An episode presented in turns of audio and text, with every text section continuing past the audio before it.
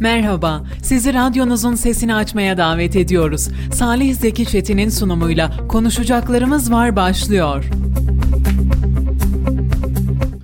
Efendim konuşacaklarımız var programından herkese merhaba diyorum. Bugün 23 Şubat Perşembe ve yeni bir yayında karşınızda olmanın mutluluğunu yaşıyoruz. Melih Kamış'la birlikteyiz. Dün sizlerle değildik, sizlerle olamadık ama deprem bölgesinden anlık olarak haberleri, Sayın Valimizin açıklamalarını ve oradaki atmosferi sizlere yansıtmaya çalıştık. Dün Elbistan'daydık. E, genel yayın yönetmenimiz Mustafa Bayram ve Melih Kamış'la birlikte oradaki atmosferi gördük, oradaki süreci yerinde gördük. Hem Sayın Valimizi ziyaret etmiş olduk, onun çalışmalarını e, kendisinden dinledik. Hem de İncesu Kaymakamımız Aydın Göçer yine aynı şekilde o da Elbistan'da görevlendirilmiş ve oradaki çadır kentten sorumlu kaymakam olarak görevini icra ediyor. Orada Kayseri'yi temsil ediyorlar. Bizim bürokrasimizi temsil ediyorlar. Gerçekten e, ellerine kollarına sağlık. Allah ayaklarına taş değirmesin. Çok zor bir görevdeler şu anda. Çok zor da bir süreçten geçiyorlar. Dün e, internette gördüğümüz ya da işte televizyonlarda izlediğimiz yıkılan binaların enkazlarını yerinde görme şansı bulduk. Gerçekten e, havasından mı suyundan mı atmosferinden mi bilmiyorum. E, gördüğüm andan itibaren böyle ruhuma, kalbime, yüreğime müthiş bir sıkıntı geldi ve oradaki insanların acılarını en derinden herhalde en çok dün hissedebildik. E, inanın oraya gitmeden ve gittikten sonraki halimiz oldukça birbirinden farklıydı. E, ben ilk defa gittim. Melik geçtiğimiz haftalarda yine e, enkaz bölgesindeydi. O birazcık daha alışmış ve soğukkanlı bir şekilde enkazlara bakıyordu ama ben adeta dehşete düştüm. Allah hakikaten oradaki tüm vatandaşlarımızın yardımcısı olsun. E, şunu söyleyelim söyleyelim devletimiz ve milletimiz çok büyük. Allah hepsinden razı olsun. Hem milletten hem devletten.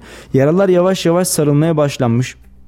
Özellikle çadır kentlerdeki asayişin sağlanması, konteyner kentlerin kurumuna başlanması, aşevlerinin tam olarak rayına oturması ve orada artık insanlara 3 e, oyun boyunca hatta 3 oyun desek oradakiler haksızlık etmiş oluruz. Neredeyse 24 saat boyunca sıcak yemek sağlanıyor. E, öğün saati diye bir şey zaten söz konusu değil. Acıkan insanlar e, yemek dağıtım noktalarına giderek sürekli olarak karınlarını doyurabiliyorlar. Yine e, süt, su, kurabiye, çikolata, bisküvi gibi ara öğün atıştırmalıklar da anlık olarak insanlara dağıtılıyor ve orada onların e, yiyecek ihtiyaçları karşılanmış oluyor.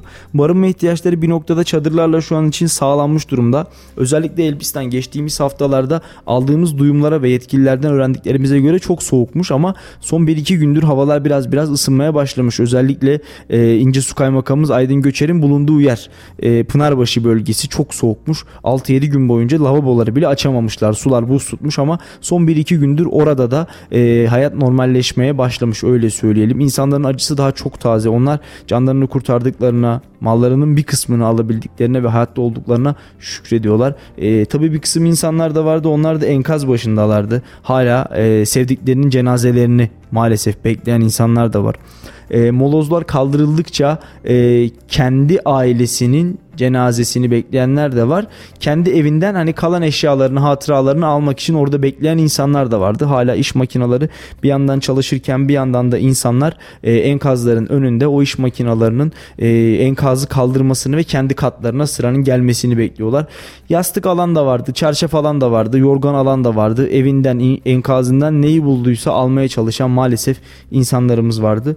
E, şunu söyleyeyim birçok bina yıkılmış Elbistan'da. Hasar zayiat çok büyük. E, 10 bin 11 bin tane ağır hasarlı bina var yıkılanlar dahil.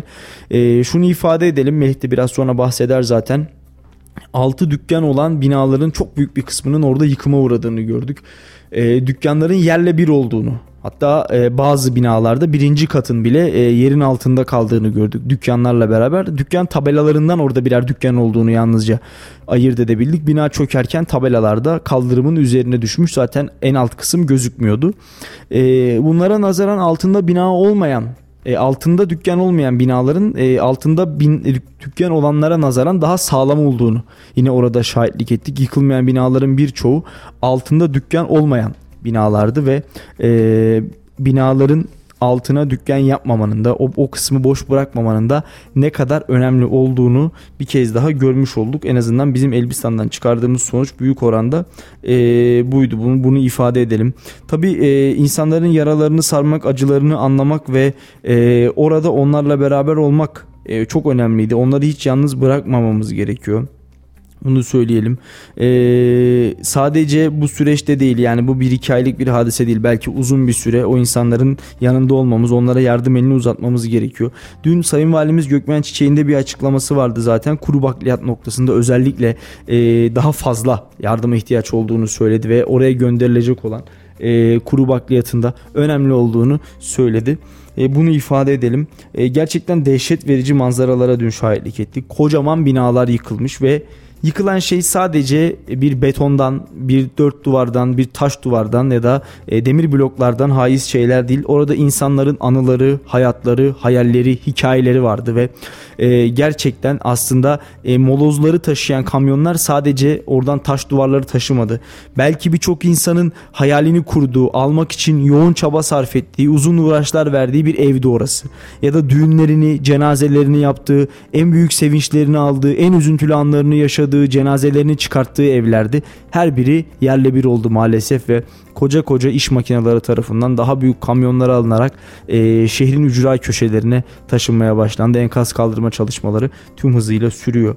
E, Birçok insanın, binlerce insanın hatta belki de milyonlarca insanın hayatı, hayalleri, e, yaşamak istedikleri, yarım bıraktıkları yani neyi varsa orada kaldı ve artık enkazın altında. E, günlük 50 tane enkaz kaldırıldığını söyledi Kayseri Valimiz Gökmen Çiçek Elbistan için ve e, umarız kısa bir süre içerisinde orada hayat normale dönebilir. Yıkıntıları kaldırırız, döküntüleri toplarız, yıkılan binaları yeniden yaparız. Faydan daha uzak yerlere, daha sağlam, daha dayanıklı binalar yaparız. İnsanlarımızın içinde huzurla yaşayabileceği binalar yaparız. Devletimize de, milletimize de bu konuda gerçekten güveniyoruz. Ee, bizler dövüşmeyi çok iyi biliriz. Savaşçı bir milletiz. Hatta öyle ki siyaseti de iyi biliriz. Yeri gelir siyasilerimiz birbiri hakkında en ağza alınmayacak lafları söylerler. Sonra oturup meclis kantininde hep beraber yemek yerler ama gün birlik günü olduğunda, gün beraberlik günü olduğunda siyasilerimiz öyle bir hassasiyetle yaklaşır, öylesine birbirleriyle kucaklaşırlar ki daha düne kadar meclis sıralarında kavga eden insanları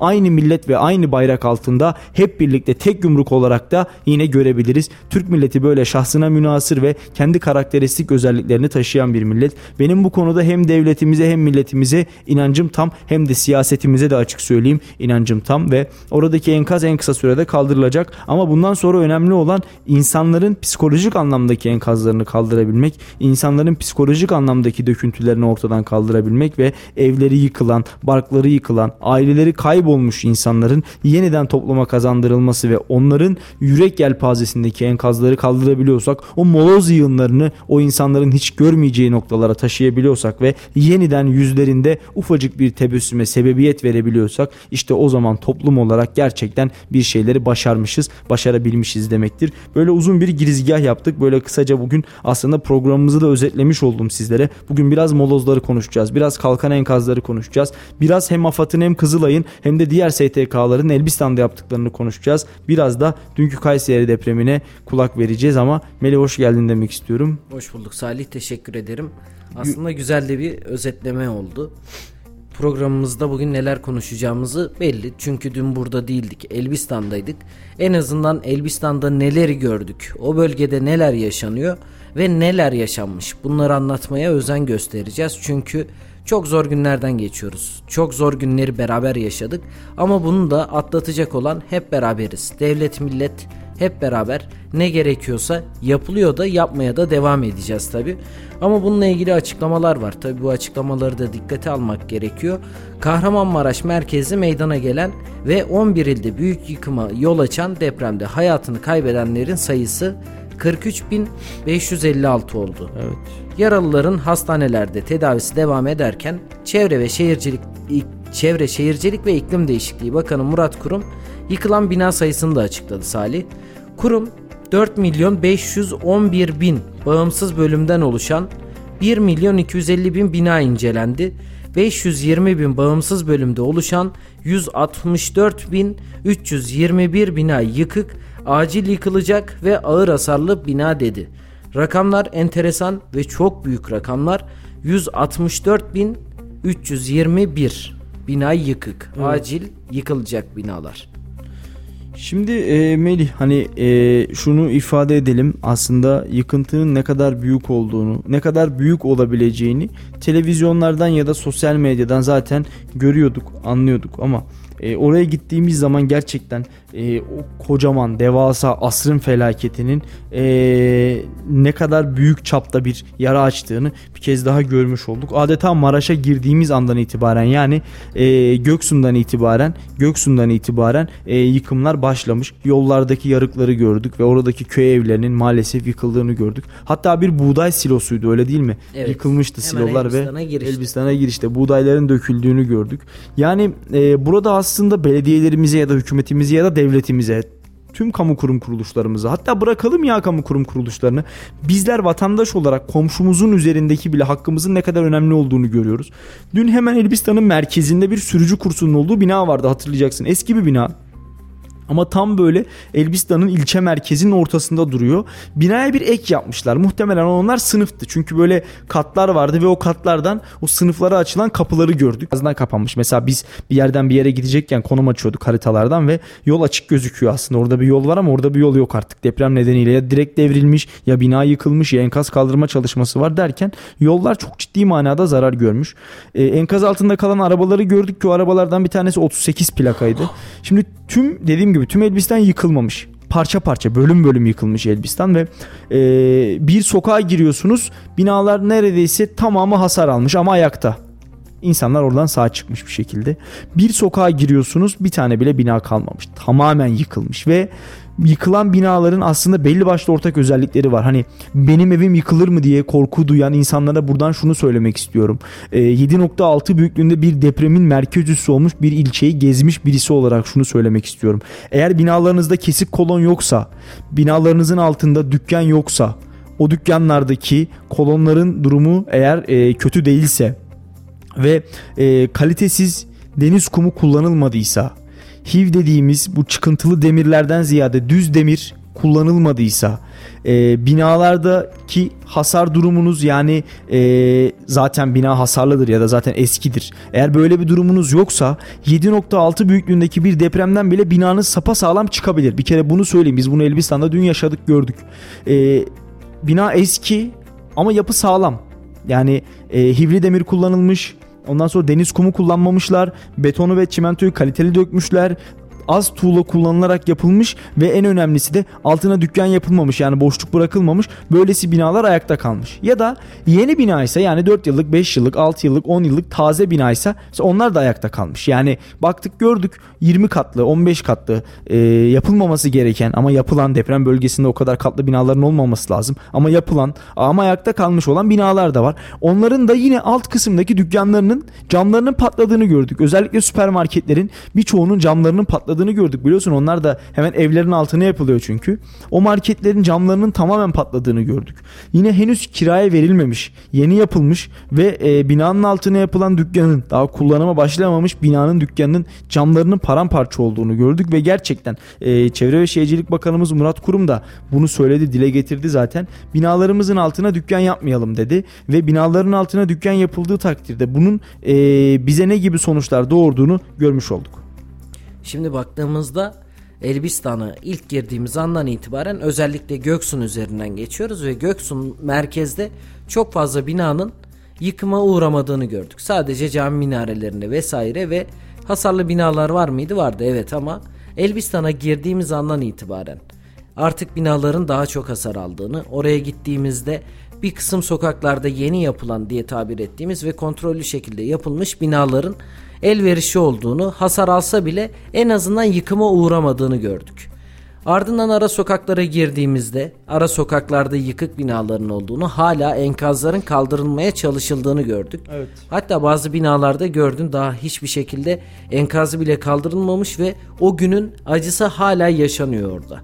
Ve bununla beraber ekiplerin o kadar güzel koordine içinde çalıştığını ve yoğun bir tempo ile çalışma gerçekleştirdiğini görmüş olduk. Bununla beraber sen de söyledin çok güzel bir yere değindin. Şimdi gidiyoruz bir binaya bakıyoruz yan yana ikiz bina diye tabir edebileceğimiz hemen hemen aynı yıllarda yapılmış iki tane bina var. Birisi sapa sağlam ayakta birisi yıkıma uğramış binadan eser yok. Ve sağlam olan binanın altı normal ev şeklinde yapılmış. Diğer yıkıma uğramış binadan da tabelasından anlamak mümkün altında dükkan var. Evet. Kolonu direkt akla şu geliyor. Ya kolonu mu kesildi acaba neler oldu orada vesaire. Kolonu kesilsin ya da kesilmesin. Ev olduğu zaman zaten duvarlar en azından bir kolonlara destek veriyor. Ama dükkan olduğu zaman ortasında duvarlar vesaire olmadığı için maalesef yapıyı daha da zayıflatmış oluyorsunuz. O yüzden Elbistan'daki durum bu anlamda yıkım ve enkaz anlamında önemliydi. Çünkü direkt gitmeden de görmeden de genelde televizyonları vesaire açtığımızda hep enkaz çalışmalarını görüyoruz. Genelde bir ilin, bir ilçenin hepsinin yıkık olduğunu görüyoruz ama öyle değil.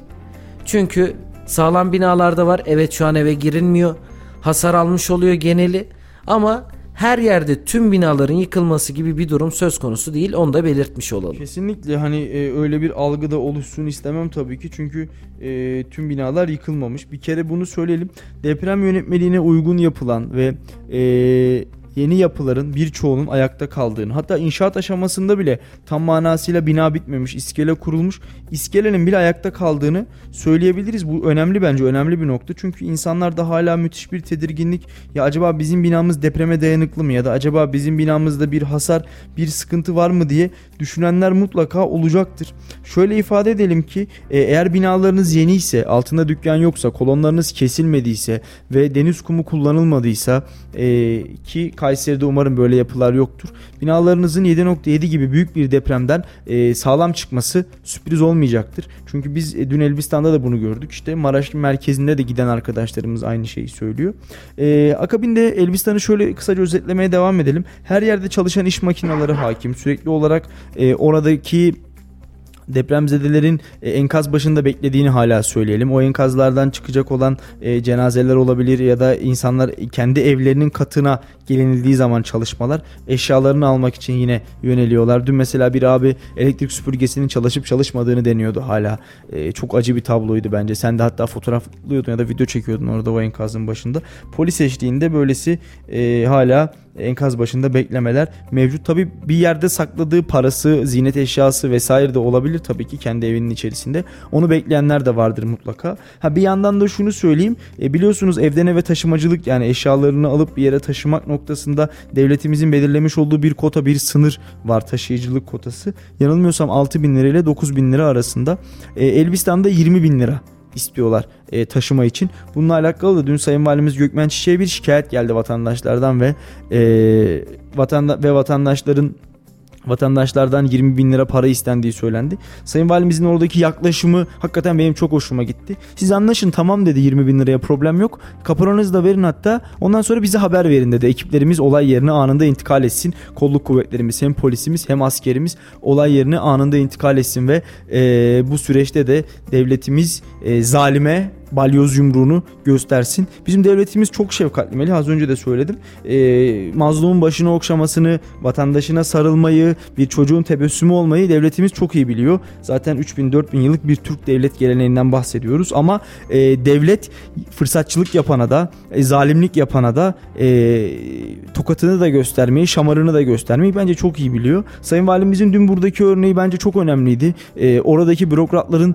e, sorumluluk alması, devleti temsil etmeleri ve devletin tüm imkanlarıyla oradaki sıkıntıların bir şekilde çözülmesi gerekiyor ve hızlı pratik kalıcı çözümler gerekiyor aslında. Bir adam fırsatçılık yapıyorsa bunu orada halledeceksin. Bir adam yolsuzluk yapıyorsa bunu orada halledeceksin. Kolu kuvvetlerimiz orada. Gücümüz her şeye yeter elhamdülillah. Hiçbir sıkıntı yok. Hem askerimiz hem polisimiz dün de gördük. Yoğun çaba sarf ediyorlar. Sakarya'dan, Adana'dan, e, Mersin'den, İstanbul'dan, Tekirdağ'dan birçok ekip olay yerine sevk edilmiş. Hatta e, dün bir komutanımızla tanıştık. Sakarya Asayiş Şube Müdürü'ydü herhalde. E, orada günlerdir oradalar ve askerleriyle birlikte oranın asayişini sağlamakla meşguller. E, şimdi şunu söyleyelim. Devletimiz orada, milletimiz orada. E, bu dönemde de kimse fırsatçılık yapıp insanların cebindeki 3 kuruşa boş yere göz dikmesin. E, devlet gerekeni yapmasını bilir ve şuna da inanıyoruz. Oradaki süreç ve düzende en kısa sürede sağlanacaktır en kısa sürede sağlanacak. Tabii ki tüm vatandaşlar da orada işi bitenler herkes enkazın başında beklemiyor.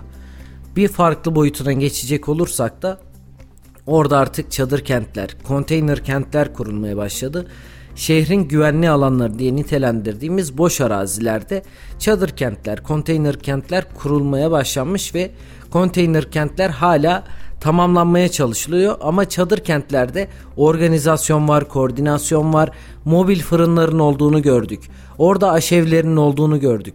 STK'lardan gelen gönüllülerin yine aynı şekilde e, oyun alanları yaparak psikososyal destek çadırlarını görmüş olduk. Orada artık tamamen barınma alanları oraya taşınmış. Farklı alanlarda insanların neye ihtiyacı varsa karşılanacak şekilde görevliler de hakeza orada ve çalışmalarını sürdürüyor. Bizlerin de ilk olarak gittiğimiz noktalardan biri zaten çadır kentte. Oraya gittiğimiz andan itibaren görmüş olduk ki güvenlik güçlerimizin yanından girdik ve farklı bir yaşam alanına açıldı. Orada insanlar depremden etkilenmişler, gelmişler oraya. Artık bundan sonraki hayatlarında neler yapacağız diye düşünürken çadır kentlere yerleşmişler ve bir süre hayatlarını orada devam ettirecekler. Halı saha vardı. Millet bahçesiydi sanırım orası. Evet, Millet Bahçesi çadır kenti yine Millet bahçesinde halı sahanın olduğunu gördük. Çocuklar orada oyun oynayarak en azından bir şekilde motive e, psikolojilerini düzeltmeye çalışıyorlar. Aileler yine aynı şekilde aşevleri vardı orada. Kuaför vardı. Psikososyal destek çadırı vardı. Hijyen tırlarının olduğunu gördüm mesela. Bu arada Melih kuaför demişken ben bir parantez açmak istiyorum. Dün evet. İncesu Kaymakamımız Aydın Göçer'in bulunduğu Pınarbaşı Çadır Kent'te bir istek vardı aslında bir ihtiyaç vardı ve e, Aydın Kaymakam bunu İncesu Belediye Başkanı Mustafa İlme'ye iletti. E, İlmek Başkan hemen harekete geçti ekibiyle birlikte ve dün biz de bununla ilgili bir post paylaştık. E, hafta sonu ben buradan da bir kez daha duyurusunu yapayım. Kayseri'den Elbistan'a deprem bölgesine gidecek berbere ihtiyaç vardır. Gelmek isteyen berberlerin ulaşımı İncesu Belediyesi tarafından karşılanacaktır. Onu söyleyeyim. Bir iletişim Gelmek numaramız isteyen, da varsa. Onu da okuyacağım evet. E, gelmek isteyen berberler varsa orada ben de oradaki kadınların, erkeklerin, çocukların saçını keserim, sakalını keserim diyen berberlerimiz varsa onların da e, ulaşımı İncesu Belediyesi tarafından karşılanacaktır. 0549 710 24 68 numaralı telefondan ulaşabilirler. Tekrar edeyim 0549 710 24 68 numaralı telefondan e, ulaşabilirler. Kayseri'den Elbistan deprem bölgesine gidecek berberlere ihtiyaç var ve İncesu Belediyesi e, bu berberlerin ulaşımını sağlayacak, üstlenecek. Orada e, hem kadınların hem erkeklerin berbere ihtiyaçları Gerçekten var. ihtiyaç var. Numarayı tekrarlayalım mı Melih istersen? 0549 710 24 68. E, Kayseri'nin berberleri cefakar, vefakar ve tabii ki oradaki insanlara yardım etme içgüdüsüyle e, hareket eden e, insanlar bunu söyleyelim. Oraya yoğun bir gidiş olacağını, katılım olacağını yine ben bekliyorum ama e, tabii ki şunu da söylemekte fayda var. E, herkes kendi üzerine düşeni yaparsa zaten ortada enkaz yıkım e, en kısa sürede kaldırılır kalmaz bunu da söyleyeyim. Konteyner kentlerde de hareketlilik var. Hızlı bir şekilde çalışmalar başlamış. Konteyner kentlerin kurulması noktasında ve bir şekilde oradaki en azından e, kalıcı konutlar kalıcı konutlar yapılana dek konteyner kentlerinde geçici birer e, ev bark olması için de çalışmalar hızlı bir şekilde başlamış. Umarım en kısa sürede biter çünkü e, çadır tamam çadır sıkıntımız şu an itibariyle en azından Elbistan için gözükmüyor ama e, çadır nereye kadar? Çadır hava çok soğuk gerçekten çok soğuk. E, orada kömür sobası yakıyorsunuz. Soba söndükten 10-15 dakika sonra çadır buz gibi oluyor. Bunların önüne geçmek gerekiyor. E, bir şekilde ihtiyaçlar temin edilmeye başlandı. Devam ediyor ve hakikaten e, birileri elini değil gövdesini taşın altına koymuş. Bunu dün de gördük. Dün de şahitlik ettik. Yine e, kaymakamlar da söylüyor. Edirne'den mesela Tamaraş'a, Elbistan'a gelenler var. Evet, ben de o konuya değinecektim. Şimdi evet gittik çadır kentler vesaire var. Şimdi oraya giden yetkililer de var. Orada görevliler ne yapıyor? Bunu da biraz anlatalım istiyorum. Çünkü Kayseri'den giden çok fazla ekip var. Samsun'dan aynı şekilde ekip var. Trabzon'dan ekip var. Türkiye aslında seferber olmuş. Bunlar sadece bizim sayabildiğimiz ekipler. Evet. Ve gördüğümüzde kafayı çeviriyoruz işte bir tane Eskişehir'den bir otobüs gelmiş. Evet, emniyet personelini emniyet personeli getirmiş. Normal turizm firması yolcu otobüsü getirmiş orada bekliyor. Emniyet güçlerimizi. Yani aklımıza gelebilecek 81 ilin 81'inden de yardım var desek yalan olmaz. O yüzden ekiplerin yaptığı çalışmaları özellikle Kayseri kaymakam, kaymakamlarımız oradaydı. Kayseri valimiz orada. Bunların yaptığı çalışmalardan bahsedelim Salih. Şimdi şöyle tabi valilerimiz sadece bizim valimiz değil birçok vali yanılmıyorsam Maraş'ta 6 tane vali var ve her birinin koordinasyon noktasında ilgilendiği alanlar var. Örneğin bizim e, valimiz Gökmen Çiçek e, Maraş'taki enkaz kaldırma ve arama kurtarma çalışmalarından sorumlu vali olarak atanmış. E, şu an şu an için ise Elbistan'da ve Elbistan'da koordinatör vali olarak atanmış. Yine kaymakamlarımız çadır kentlerin başında mesela İncesu kaymakamımız e, Pınarbaşı mesire alanındaki çadır kentten sorumlu kaymakam. Yine onun yanında e, komutanlarımız vardı. Yarbay vardı sanırım bir tane. Bir tane albay, albay bir tane albay vardı yine çadır kentten sorumlu olarak oranın asayişini sağlamak üzere. Yine az subaylarımız, az teğmenlerimiz ve uzman çavuşlarımız oradaydı. E, erlerimiz oradaydı. Polislerimiz. Bu insanların polislerimiz oradaydı. Bu insanların tamamı e, oradaki koordinasyonu sağlamakla aslında görevli ve hani e, belediye personellerimiz orada dün işte e, Kayseri Büyükşehir Belediyesi'ne bağlı 6 tane otobüs e, mühendis götürdü. Kayseri Büyükşehir Belediyesi'ne ve ilçe belediyelere bağlı mühendisleri götürdü. Oradaki hasar tespit çalışmaları yapılsın diye. E, kaymakamlarımız ve valimiz ve kaymakamlarımız oradaki e, koordinasyondan sorumlu. Valimiz ilçeden, diğer valilerimiz şehirlerden, kaymakamlarımız çadır kentlerden ve ilçelerdeki belli muhtelif yerlerden sorumlu. Bunun yanında emniyet güçlerimiz, güvenlik güçlerimiz çadır kentlerin ve kentteki asayişin, enkaz asayişinin ve güvenliğinin sağlanmasından sorumlu. Bunun yanında belediye personellerimiz mesela örnek veriyorum KASKİ kanalizasyon su işleri personellerimiz oradaki boruların onarılması, şehre yeniden su verilmesi noktasında görevliler. Elektrik kaçataş personelimiz şehirlere elektrik verilmesi hususunda, kabloların onarılması hususunda görevli. Yine e, iş makinesi süren personellerimiz var, belediye personellerimiz var. Bu insanlar iş makinalarını kullanmak, moloz kaldırmaktan görevli. Yine belediyelerimize ait şoförlerimiz var. Onlar bu o kamyonları ve e, personeli oraya taşıyan servisleri kullanmakta görevli. Orada herkesin bir işi var aslında bunu söyleyelim. Herkes bir işin ucundan tutmuş. E, kimi çay taşıyor, kimi insan taşıyor, kimi yara sarıyor, Kimi oradaki depremzede çocuklarla ilgileniyor. Kimi psiko destek veriyor. Kimi yemek dağıtıyor. Kimi o yemek dağıtılan yemeklerin çöpünü topluyor.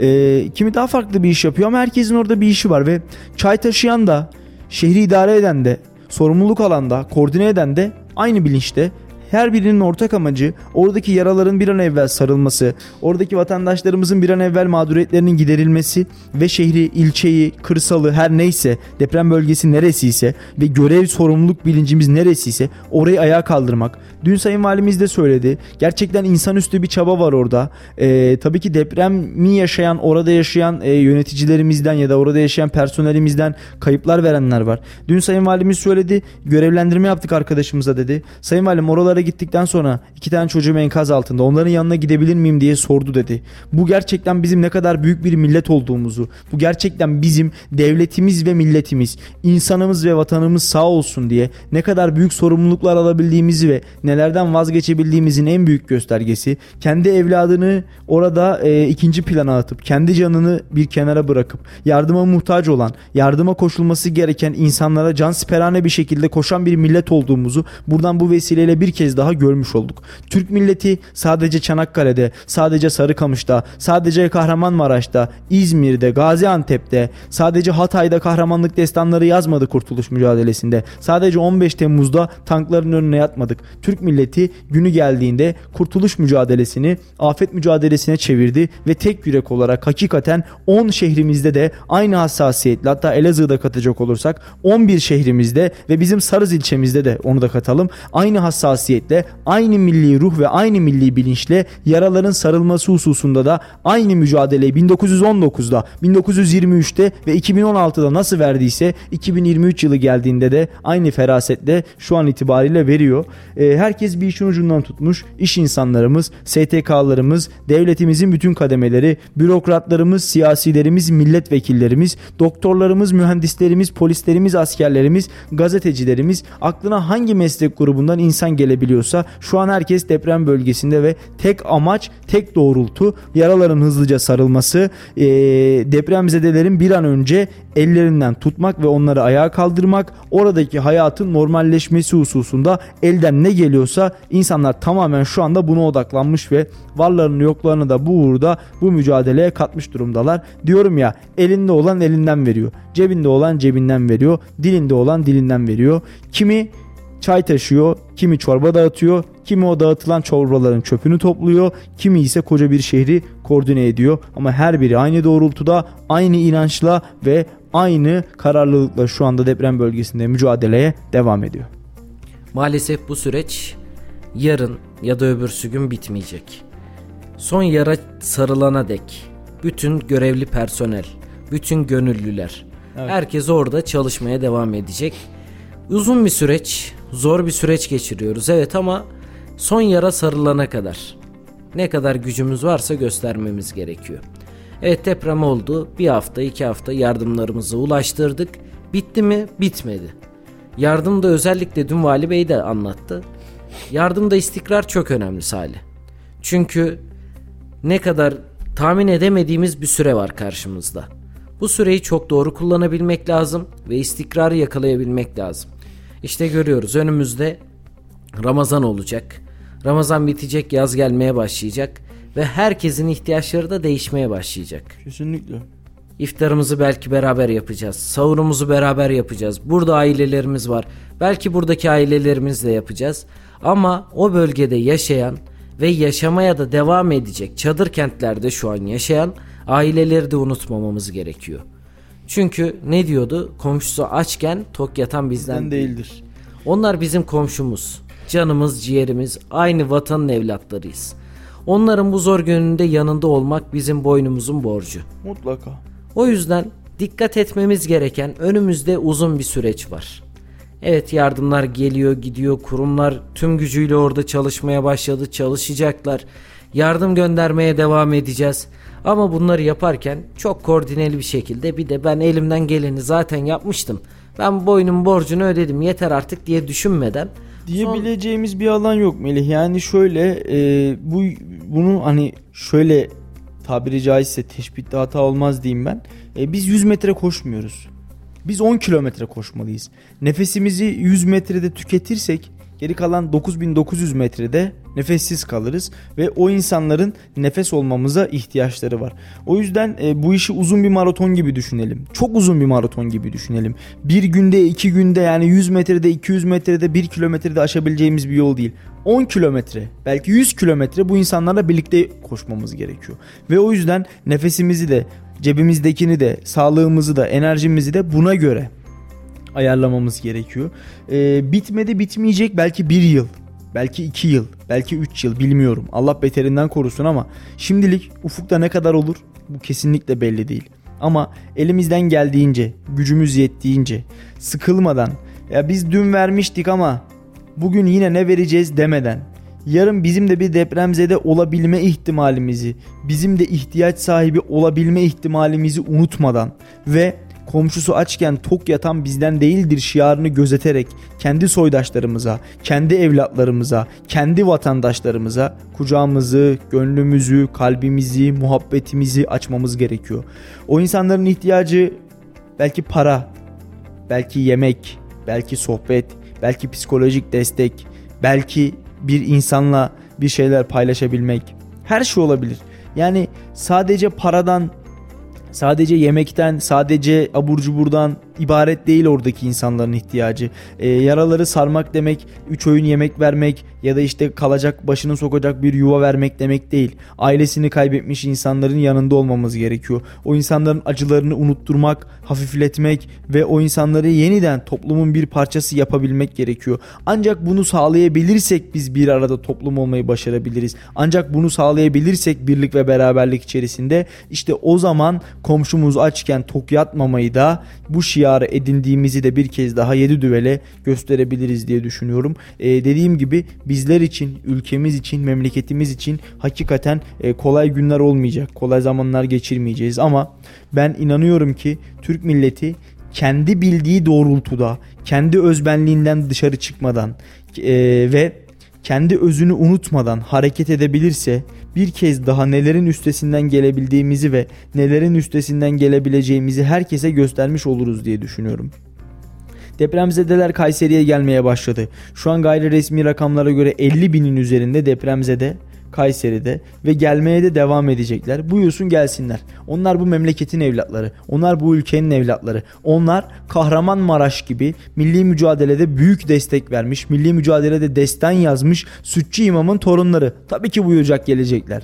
Ya da onlar Gaziantep gibi, Antep gibi gazi bir şehre ünvan vermiş dedelerin asil torunları tabii ki Kayseri'ye gelebilirler. Tabii ki farklı bir yere gidebilirler. Onlar 81 vilayetimizin hangisini isterlerse gidip orada oturup yaşamlarına devam edebilirler. Bu iş ensar ve muhacir olmanın çok ötesinde.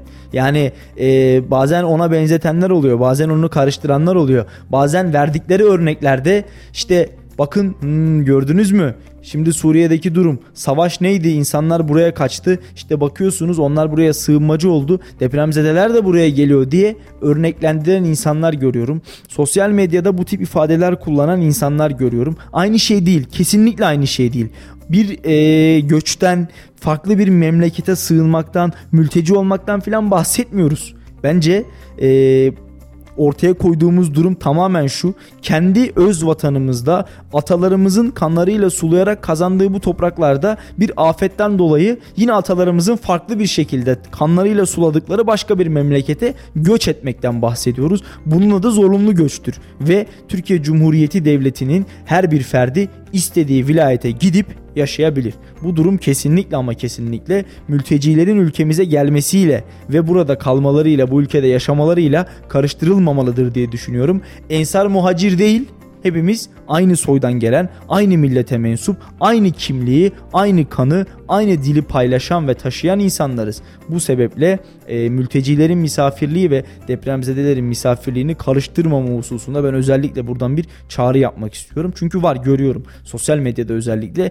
bakın diyor biri yazmış işte bizler diyor mültecilere böyle davrandığımız için Nasıl davranıyoruz onu da hala anlamadım. Bizler mültecilere böyle e, yaptığımız ve yaklaştığımız için şimdi başımıza bunlar geldi diyor. Bakın diyor o insanlar da buralara geliyorlar diyor. Yani bu senin İstanbul'dan Antep'e seyahat etmen gibi ya da ben artık Konya'da yaşayacağım demen gibi bir şey işte Melih. Sen iki ay öncesine kadar Konya'da yaşıyordun. E, bir yıl öncesinde Kayseri'de yaşıyordun. 10 yıl öncesinde Kütahya'da yaşıyordun. Kimse sana Kütahya'dan niye Kayseri'ye geldin? Kayseri'den niye Konya'ya gittin? Konya'dan niye tekrar Kayseri'ye döndün diye bir soru sormaz. Çünkü sen bu devletin bir evladısın, bir vatandaşısın yani. O yüzden bunlar birbiriyle karıştırmamalı. Bunlar birbiriyle örtüştürülmemeli ve kendi devletimizin insanına, kendi milletimizin insanına da sonuna kadar sahip çıkmalıyız diye düşünüyorum. Önemli bir konu çünkü sosyal medyada da görüyoruz ve aynı zamanda da benim yakından tanıdığım bir insana ada pazarında yapılan işte senle memleketini memleketinden kaçıp geldin. Yani öyle bir imayla sordu diyor ki çok sevdiğim bir abim. Yani diyor ki bizi mültecilerle aynı kefeye koydu. Tamam diyor bırakalım koysun ama 99 depremini en iyi yaşayan şehirlerden birisi olarak bir vatandaş bunu söyledi ve çok zoruma gitti diyor. Yani çok önemli bir konuya değindin Salih çünkü karşımızdaki insanın evini, barkını, hayallerini, umutlarını, her şeyin bir gecede yıkıldığını ve ne kadar çaresizlik içerisinde bu duruma düştüğünü gözümüzün önüne alıp empati kurup ona göre davranmalıyız. Her gün söyledik belki her günde söylemeye devam edeceğiz. 40 kere düşünüp bir kere konuşacağız ama karşımızdaki o insanı kırmamak için ne gerekiyorsa yapmamız lazım. Şimdi karşımızda şehrimize geldi. Başımızın üstünde yerleri var. Herkes seferber oldu. Neler yapabiliriz diye düşünüyoruz da, konuşuyoruz da, yapmaya da devam edeceğiz. Canımızdan kanımızdan parçalar buraya gelmiş. Hatta birçoğumuzun Göksu'nda işte konuştuklarımızın çoğu ne diyor? Elbistan'da Göksu'nda akrabası olanların birçoğu buraya geldi. Aynı evde şu an yaşıyorlar. Ya zaten akrabamız. Gitmişler El, e, Gö, Elbistan'da, Göksu'nda yaşayanlar. Sürekli birbirimize gidip geldiğimiz akrabalarımız bu şehre gelip de yanımızda olması kadar normal bir şey yok. Yok ya Melih şöyle söyleyeyim sana İstanbul'dan kalktım 7 yıl evvel Kayseri'ye geldim üniversite okumaya. Sonra Allah nasip etti bu şehirde yaşamaya başladım. Aynen. Bana ne diyebilir ki? Kim bana niye buraya geliyorsun diyebilir mi? Kimsenin böyle bir hakkı yok. Burası benim toprağım zaten. Buradan kalkıp Diyarbakır'a gidip orada da yaşayabilirim. Hakkari'de de yaşayabilirim. Edirne'de de yaşayabilirim. Kimse bana niye burada yaşıyorsun, niye buraya taşındın de, diyemez. Aksine söylememiz gereken bir şey var. Hoş geldiniz. Sizin Sefa için yapabileceğimiz ne var? Bu. Yani biz binamıza bile yeni bir komşu taşındığı zaman şunu sorarız. Bir ihtiyacınız var mı? Bir eksiğiniz var mı? İşte eşya taşıyorlarsa belki evde e, bir demlik çay demleriz. Biraz gofret alır, bisküvi alır götürürüz. Veya bir Tencere, yemek çorba. tencere bir çorba yapar götürürüz. O insanlar yesinler, eşya taşıyorlar. Belki uzak yoldan geldiler. Bir dertleri, bir sıkıntıları var ya da bir eksikleri var. Belki bir eksikleri var ve burada kimseyi tanımıyorlar. İçgüdüsüyle hareket ederiz ve insanlara yardımcı olmaya çalışırız. Evet. Yani benim insanımın bu topraklara gelmesi kadar doğal bir şey yok.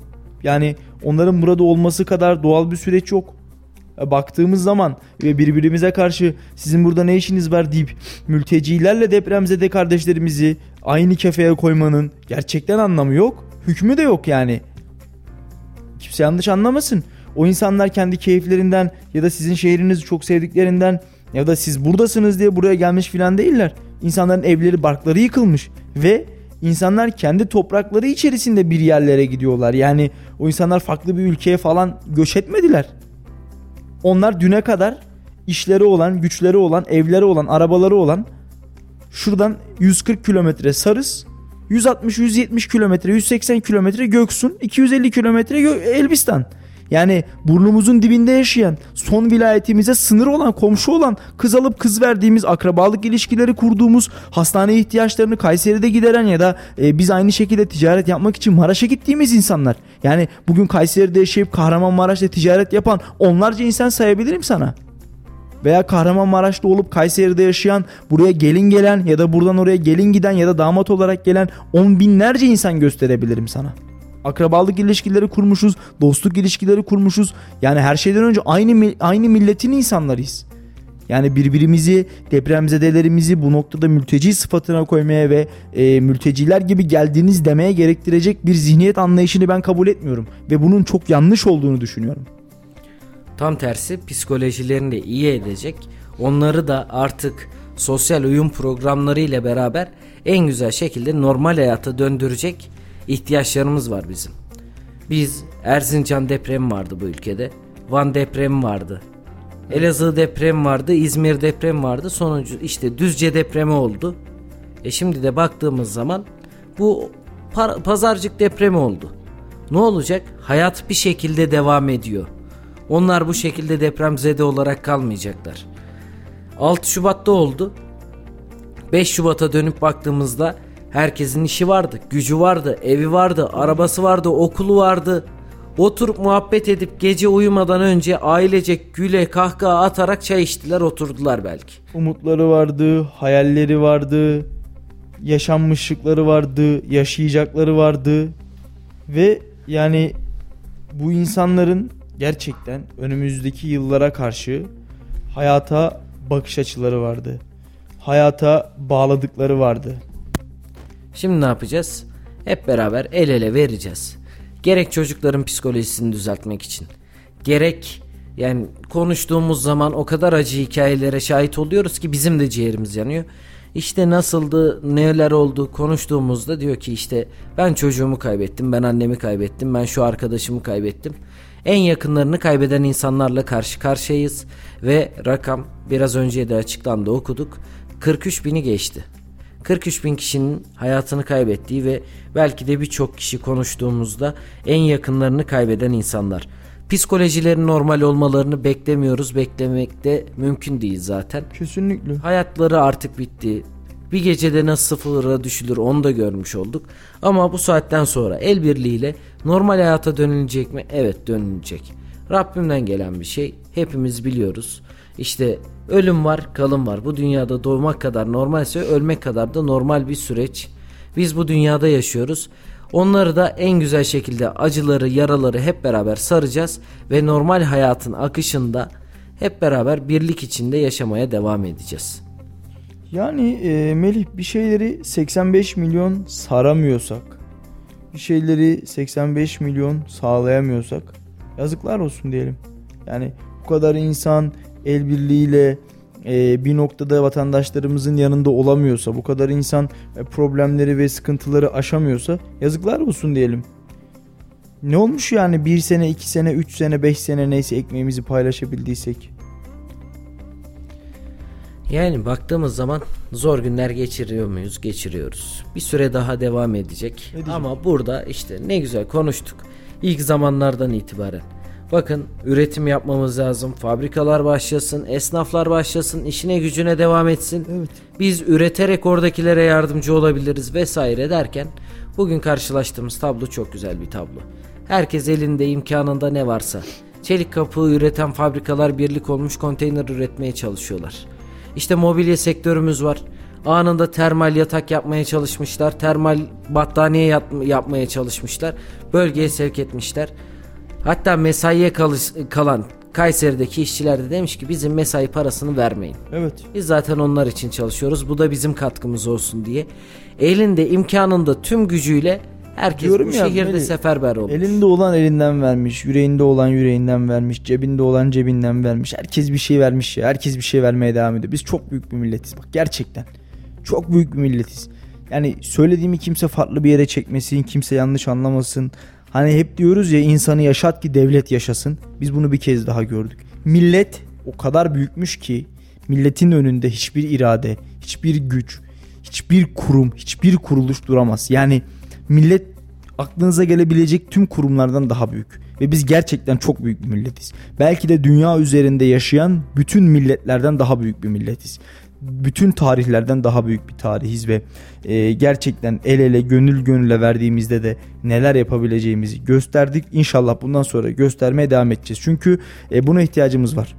Çünkü bunu yapmamız gerekiyor ve e, evet belki şu anda bizi dinleyen depremzede kardeşlerimiz, arkadaşlarımız da var. Kayseri'ye gelip burada yaşayan diyorum ya 50 binin üstünde depremzede var. Mutlaka şu an e, bizi dinleyen depremzedelerimiz de vardır. Hiç merak etmesinler. Son bir tanesinin bile yarası sarılana kadar Bizler onların yanında olmaya devam edeceğiz. Sarıldıktan sonra da yanlarında olmaya devam edeceğiz. Yani biz millet olarak birbirimizden kopmuş ayrılmış falan değiliz. Biz aynı kökün birer dalıyız. Biz aynı kökün birer yaprağıyız ve bu bilinçle de bu doğrultuda hareket ediyoruz. Ee, biraz son olarak şeyden bahsedelim istersen Melih. Dün akşam e, hatta akşam demek yanlış olur. Sabah e, 5.45'ti galiba deprem. E, 3.9 büyüklüğünde ince suda ince suya bağlı Saraycık mahallesinde meydana geldi. Merkez üssü orasıydı. Biz de Kayseri'de yoğun miktarda hissettik, duyduk. E, sabah saatlerinde jeologların açıklamalarını da dinledik. Şöyle söyleyelim, e, bunlar olacak, artçılar olacak. E, bu iki tane e, iki parçanın yani e, iki büyük kaya parçasının e, altından fay geçen e, oturma hareketiymiş. Jeologlar öyle yorumladı. Organize sanayi bölgesinde iki büyük kaya, kara parçası birbirine entegre olmuş geçmiş ve artık oturmuş fay hattı orada e, onarılmış, tamir edilmiş. Enerjisini tam manasıyla boşaltmış. Şimdi zaten şunu biliyoruz e, bu e, de, e, artçı depremlerin bugün bitmeyeceği, yarın bitmeyeceği aşikar. Belki bir ay sürecek, belki bir yıl sürecek. Herkes farklı bir şey söylüyor. E, bunlarla yaşamaya artık bir noktada alışmış alışmış olmamız gerekiyor. Ya ben dün bir tweet atmıştım yani evlerimizde otururken herhalde hiç bakışmadığımız kadar çok avizelerle bakışır olduk. Avizelerimizin üzerinde nasıl motifler var, hangi renk, ne, ne kadar uzunlukta, avizenin neresine baktığımızda nasıl sallandığını filan artık böyle net bir şekilde bilir olduk. Hani eskiden hatırlıyor musun? Babalarımız kızdığında halı motiflerini ince incelerdik. Böyle halının üstünde ne var bilirdik işte. Mesela kırmızının hangi tonları kullanılmış gayet ben haizdim bizim evdeki halılara. Aynı şekilde şimdi de bakıyoruz e, avizelere bakıyoruz. Ufak bir sallantı oldu mu? Evet şu anda deprem oluyor moduna geçiyoruz. Ya, yanlış anlaşılmasın şu an deprem olmuyor yani böyle makas diyorlar ya söylüyorlar. E, aynı şeye düşmeyelim. Şu an deprem olmuyor ama bizler avizelere bakarken aynı hissiyata kapılıyoruz. Son bir haftadır da en çok baktığımız şeyler avizelerimiz. Hep böyle göz bir yükseklerde. Eskiden herhalde şöyle avizeye baksak e, evdekiler derdi ki ya niye avizelere bakıyorsun? Ama artık bu o kadar rutin hale geldi ki herkes böyle bir hatta bir kişi baktığı zaman herkes bakmaya başlıyor. Herkes farklı bir şey yapıyor. Bir basın mensubu bugün bir abimizle de görüştüğümüzde dedi ki ben avizeye bakmıyorum artık boynum ağrıyor. Masanın köşesine 1 lira koydum. Sallanınca en ufak sallantıda zaten düşüyor anladım dedi. Artık herkes öyle şeyler yapmış ki özellikle sosyal medyada görüyoruz. Bunlar rutin, artçı depremler olacak ve alışmaya devam edeceğiz. O yüzden çok fazla da panik havasında bu işi suistimal edip de e, dezenformasyona yolu açacak bilgilerden uzak durmalıyız Yandık, ve kaçınmalıyız. yani yandık bittik eyvah yıkılıyoruz böyle bir şey yok. Ya böyle bir şey gerçekten yok yani. Hani biz de depremden korkuyoruz. Ben de depremden tedirgin olan insanlardan bir tanesi. Melih sürecimi sen biliyorsun bir hafta eve giremedim. Ama bugün işte ben bakıyorum 4 üzeri kaç tane deprem olmuş. Dün geceden bu yana Allah etmesin daha fazlasını göstermesin. Dün geceyle yani dün ve bugün toplamda yani son 13 saat içerisinde e, yani son özür dilerim son 17 saat içerisinde 3 tane 4 üzeri deprem olmuş. Yani e, baktığımız zaman 3 üzeri olan da 8-10 tane depremimiz var. Ufak ufak depremler hep oluyor. Dün biz e, işte Elbistan'dayken e, kaç saat içerisinde kaç tane deprem olmuş ben sayamadım yani. Akşama kadar Elbistan'daydık belki 20 tane deprem olmuş 30 tane deprem olmuş. Yani yer kabuğu hala hareket halinde ve bir noktada onlar birleşecek artık oturacak yerlerine. Yerli yerine oturacak yer kabuğu. Ee, inşallah böyle hissettiğimiz son depremdir diyelim. Biz bundan sonrakileri inşallah hiçbirini hissetmeyiz. Ee, vatandaşlarımız panik yapmasınlar. Evlerinde hasar yoksa girsinler. Ee, evlerimiz böyle büyük depremlerden sağlam çıktıysa ki ilk geceki depremden sağlam çıktıysa Allah'ın izniyle hiçbir sıkıntısı olmaz. Elbistan gibi merkez üstüne gidip 7.7'nin vurduğu bir yeri gördük ve orada da dediğim gibi yeni binalar, sağlam binalar dimdik ayakta. Evet çatlakları var, patlakları var ama buna rağmen hala dimdik ayakta olan yüzlerce bina var. Her 3 binadan biri hasarlı, biri de yıkılmış. Onu söyleyelim yani. Ee, yaklaşık olarak 10 bin bina hasarlı ve yıkılmış toplam olarak ama geri kalanı Elbistan'da da ayakta depremin merkez üstünde bile durum böyle. O yüzden Kayseri'de hani e, ana geçen bir fay yok burada. Fayın kolları buradan geçiyor. Belki aynı şeyleri tekrarlamış gibi olacağız ama evlerinize girin. Lütfen artık normalleşelim. Çünkü deprem bölgelerinin ve oradan gelen insanların bizlere ihtiyacı var. Ki artık yavaş yavaş da yayınımızı kapatacağız. Deprem bölgesine gidip geldikten sonra görmüş olduğumuz şu oldu. Şükür etmeyi gördük. Çünkü bir gecede nasıl hayallerin, umutların yıkıldığını gördük ve bir gecede nasıl her şeyimizin sıfıra inmiş olduğunu gördük. O yüzden kalp kırmadan uyuyalım. İnsanları kırgınlıklarımızla hatırlamayalım. Bu konu çok önemli çünkü bir gece ansızın ölümle karşılaşabiliyoruz ve ertesi gün o kişiyi görememe ihtimaline karşı lütfen kalp kırmayalım. Bizler 91.8 Radyo Radar'daydık. Konuşacaklarımız var programında Salih Zeki Çetin'le beraber sizlere anlatmaya çalıştık, aktarmaya çalıştık. Sürçülisan ettiysek affola. Yarın yine aynı saatte saat akşam 5'te görüşmek dileğiyle. Hoş kalın, hoşça kalın. Salih Zeki Çetin'in sunumuyla konuşacaklarımız var sona erdi.